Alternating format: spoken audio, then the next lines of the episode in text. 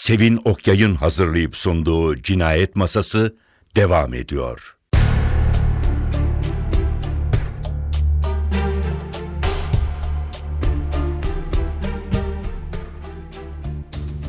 Kanı çekilmiş dudaklarımdan ah sözcüğü çıkmadan önce Nusret'i öldürdüğümü düşünmüş olmalıyım. Yoksa sonra mı? Bilemiyorum. Ama bakışlarım aynı anda ellerime kaymıştı. Nusret'in kucağında unutulmuş, kıpırtısız ellerinin aksine rüzgara tutulmuş iki iri yaprak gibi çaresizce titriyorlardı. Umurumda değildi titremeleri. Ellerimi hızla yüzme yaklaştırdım. Bir leke, kırmızı bir benek, kan damlası. O hatırlamadığım meşhum birkaç saatin içinde gerçekleştirdiğim korkunç olayın bir delili. Işık yetersizdi. Nusret'in babaannesinden yadigar, orta boy iki kristal avizenin sadece bir yanıyordu.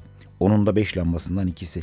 Öteki avizeyi canlandırmak için duvardaki elektrik düğmesine yönelecektim ki o anda aklıma gelen bir ihtimal kanımı dondurdu. Ya katil ben değilsem? Ya Nusret'i öldüren kişi evin içindeyse? Gözlerim hızla odayı taradı. Kimse yoktu. Alaca karanlık koridora çevirdim bakışlarımı. Sakin görünüyordu. Kulak kesilip dinledim. Ne bir ses, ne bir kıpırtı. Hayır, kendimi kandırmanın alemi yoktu. Onu ben öldürmüştüm. Sonra da kapayı aralık bırakıp çıkmış olmalıydım evden. Birden kapanın hala aralık olduğunu hatırladım. Panik içinde kapıya yöneldim, kapattım. Başımı çevirince Nusret'in gözleriyle karşılaştım yine. Duraksadım. Nusret, yıllardır dinlemek bilmeyen bir özlemle beklediğim kadın. Yıllardır her geçen gün artan bir tutkuyla sevdiğim umutsuz aşkım. Nasıl yani? Yıllardır beklediğim sevgilimi ben mi? Kendi ellerimle mi? Sadece ellerimi değil, artık bütün bedenim kaplayan o sarsıntı, yanmaya başlayan gözlerim, sıkışan yüreğim, büklüm büklüm boğazıma düğümlenen o acı. Kendim bıraksam? Hayır, şimdi olmaz. Derhal kaçırdım bakışlarımı. Hızlı adımlarla odaya döndüm. Tepemden sarkan kristalleri canlandıracak düğmeye dokundum. Yüksek tavandan sarkan ikinci avizenin de yanmasıyla oda gündüz gibi oldu. Nusret'in kıpırtısız bedeninden uzak durmaya özen göstererek avizenin altına geldim. Sanki cansız nesnelermiş gibi ellerimi incelemeye başladım. Burnumu ucuna kadar sokmuş olmama rağmen görüntü net değildi. Detayları seçemiyordum. Son 15 yıldır ceketimin sağ iç cebinde taşıdığım yakın gözlüğümü taktım. Şimdi ellerim kaçacak yeri olmayan iki zanlı gibi çırılçıplak ortadaydılar. Avuçlarımı, ellerimin üstünü, parmaklarımı, etle tırnağın buluştuğu yerleri milim milim santim santim taradım. Ne bileke, ne kırmızı bir benek, ne de kan damlası. Rahat bir soluk almam gerekirdi ama çılgınlar gibi mesai yapan zihnim yeni bir ihtimal sürüverdi ortaya. Ya ellerimi yıkadıysam? Olabilir miydi? Neden olmasın? Kriz anlarımda öyle abuk sabuk tuhaf davranışlarda bulunuyordum ki Mesela uygun olmayacak giysilerle sokağa çıkmamıştım hiç. Bugün olduğu gibi ince bir ayakkabı giyme yanlışını yapıyordum en fazla. Yani son derece makul davranıyordum. Hafızamın bozuk bir video kamera gibi sese, görüntüye kayıtsız kaldığı o meçhul anlarda. Eğer bilinçaltımda Nusret'i öldürmeye karar vermişsem ki bırakın bilinçaltımdan geçmesini bunu sık sık düşünmüş hatta öfkeden delirdiğim anlarda kendi kendime sesli olarak da dile getirmiştim. Oyunu da kuralına göre oynamış olabilirdim.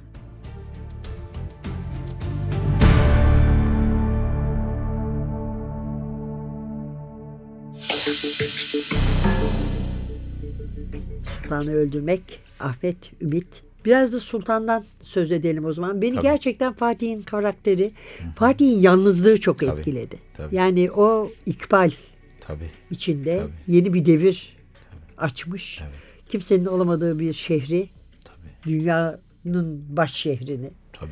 Almış. Kentlerin kraliçesi. Genç. Tabii. bir hükümdar. Evet. Bu romanda beni mutlu eden şey şu aslında. Onu fark ettim. Ne zaman fark ettim? Bir ay sonra fark ettim. Dün akşam fark ettim. Bir röportaj vardı şeyle Doğan Hızlan ve Semih Gümüş'le. Orada konuşurken kendi sözlerimden fark ettim. İnsan önce o sözü söylerken farkında değil. İnanılmaz bir şey bu.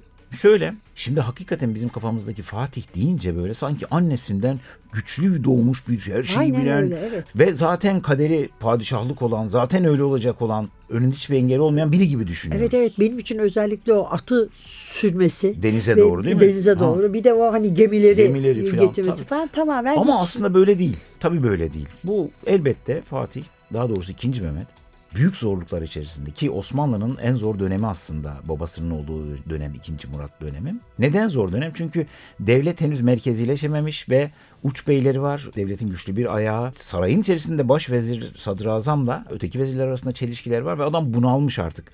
Ve o noktada iki oğlu ölmüş. Öndeki iki oğlu esas en çok sevdiği o. Tabii en çok sevdiği Alaaddin Ali ölmüş.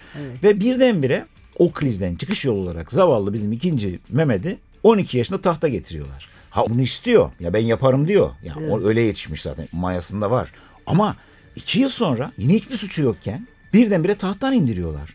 Yani dirense aslında belki de öldürecekler. Çünkü taht yani hiç şeyi yok. Öyle bir şey ki böyle baktığımız zaman ikinci Mehmet'in ya anlıyorsun adamın şeylerini anlıyorsun. Acılarını, dramlarını, başına gelenleri. Resmen bir saray darbesi. Ava yolluyorlar. Bu- Çandarlı değil Tabii mi? canım Çandarlı. Tabii. Yani ava yolluyor sen e, ava git e, hüküm hünkârım diye. Ava, dönüyor ki baba gelmiş tahta oturmuş. İnanılmaz bir şey yani. Büyük travma yani büyük dram aslında. Ve gidiyor ama bir şey de diyemiyor. Gidiyor ama içinde biliyor tabii. Böylece saray entrikasıyla öğreniyor. dönüyor? Manisa'ya. Manisa'ya dönüyor.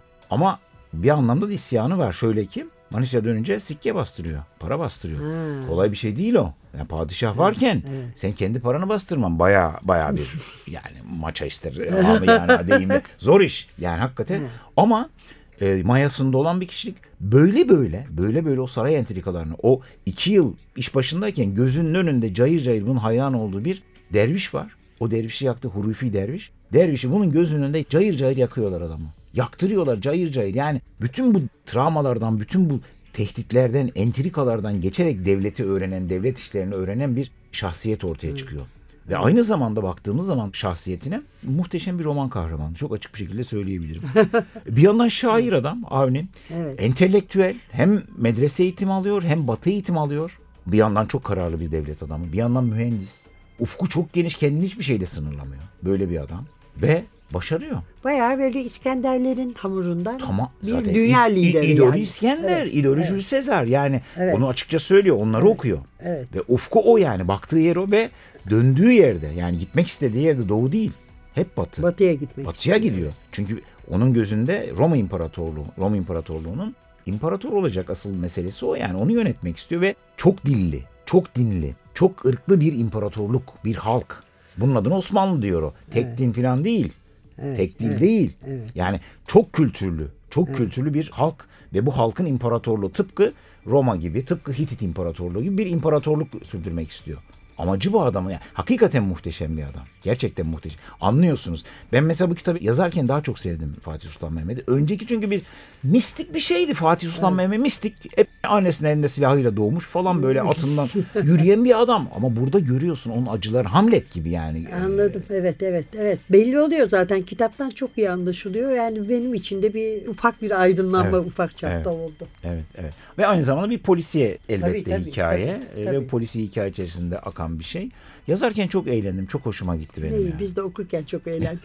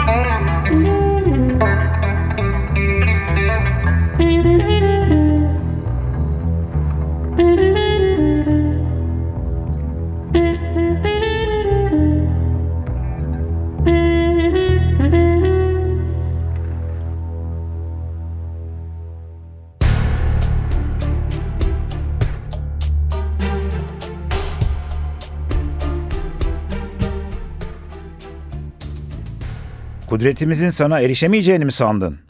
Hayır, aynadaki o saldırgan adam değildi konuşan. Daha etkileyici, daha buyurgan, kendinden son derece bir ses. Yaptıklarından bir haber olacağımızı mı düşündün? Hayatımda hiç duymadığım ama sahibinin kim olduğunu çok iyi bildiğim bir ses. İki gündür yaşadığım o tuhaf olayların merkezindeki adamın sesi. İki denizin ve iki karanın sultanı, Konstantinopolis'i fetheden, Osmanlı Devleti'ni bir imparatorluğa dönüştüren genç hükümdarın sesi. Osmanoğlu, Orhanoğlu, Muratoğlu, Bayezitoğlu, Mehmetoğlu, Muratoğlu Mehmet'in sesi. Onun kim olduğunu bilmek beni hiç şaşırtmadı. Bir de şu tedirginlik olmasa.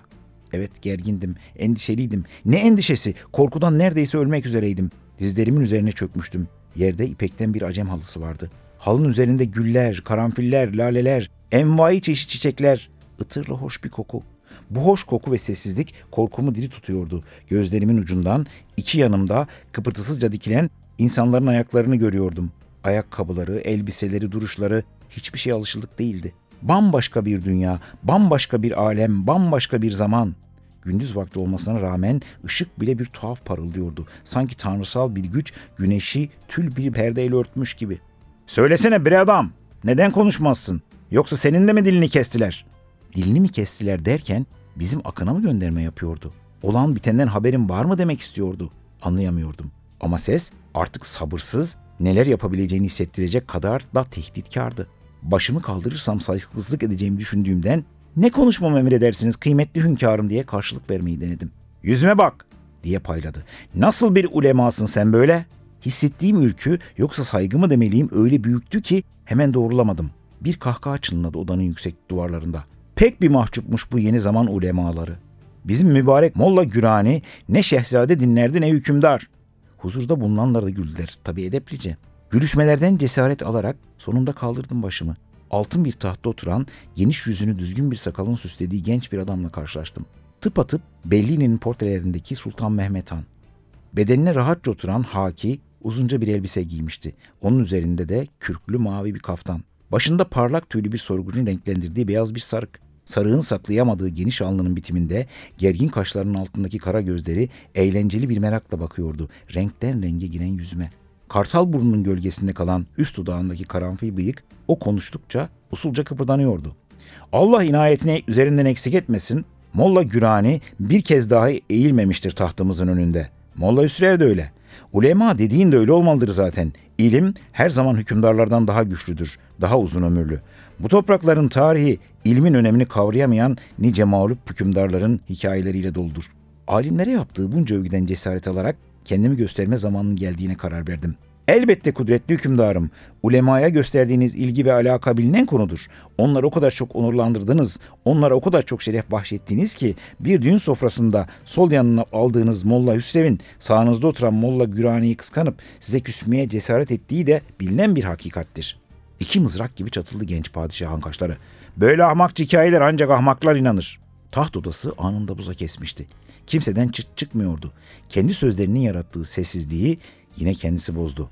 Mübarek hocalarım Molla Gürani de Molla Üsrev de dünya malını içe saymış ulu kişilerdi. Sofrada bana yakın oturmak şöyle dursun. Israrlarıma rağmen çoğu zaman uzak dururlardı ziyafet davetlerimden. Tepeden tırnağa süzdü beni. Senin alimliğin ilme değil de böyle rivayetlere dayanıyorsa işin zor hoca. Bir çuval inciri berbat etmiştim. Az konuş müştak. Çok düşün az konuş. Hele dünyayı çözüp bağlayan bir padişahın karşısındayken. Ey benim anlayışı sonsuz padişahım diyerek boynumu büktüm. Karşınızda dili dolaşan bu münasebetsiz kulunuzu lütfen bağışlayın. Haklısınız. Yaptığım benzetme yersizdi. Tabi biz yıllar sonra okuyoruz olanları. O sebepten hakikat efsane birbirine karışabiliyor bazı zaman. Yoksa hocalarınızın ne kadar değerli insanlar olduklarını bilmez değilim.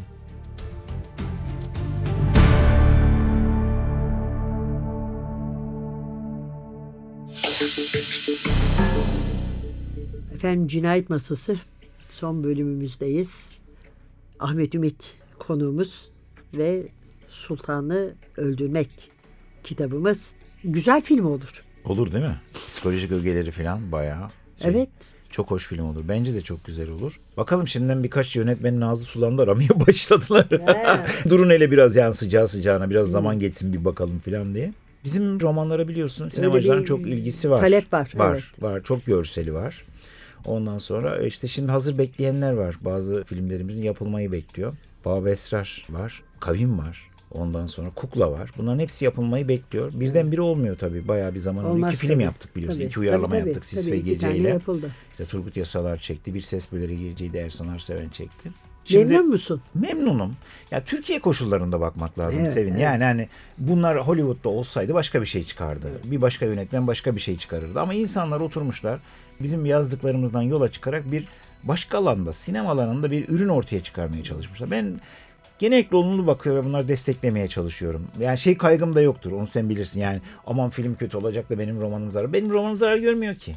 Hiçbir zarar görmüyor. Yani kitap burada duruyor zaten. Keşke çok iyi filmler olsa. O zaman da yarar da görmüyor. Yani artmıyor kitap. Ama şu güzel yani orada gurur verici olan şu. Hani benim eserlerimden bir başka sanat alanı işte sinema, ne bileyim çizgi roman, ne bileyim Başka tiyatro. izleyicilere de ulaşıyorsun Evet, büyük ihtimalle. Hem öyle oluyor de yani, kendi bilmiyorum. adıma tabii hem Bana de öyle gibi geliyor. sanatın bütün alanlarını destekliyor olmak yani bir edebiyatçı olarak sanatın diğer alanlarında destekliyor olmak her şeyi destekleyen eserlerinin her tarafa yayıldığı bir kültür adamı duygusu yaratıyor. Yani güzel çizgi duygu. romanda biraz bu duyguyu veriyor aslında. Her Evet. ne kadar edebiyat dahilinde kalıyorsa da. Tabii tabii çizgi romanda öyle, sinemada öyle, müzikal yapmıştık Aşk Köpeklik'te Evet, mesela evet, onda evet. öyle.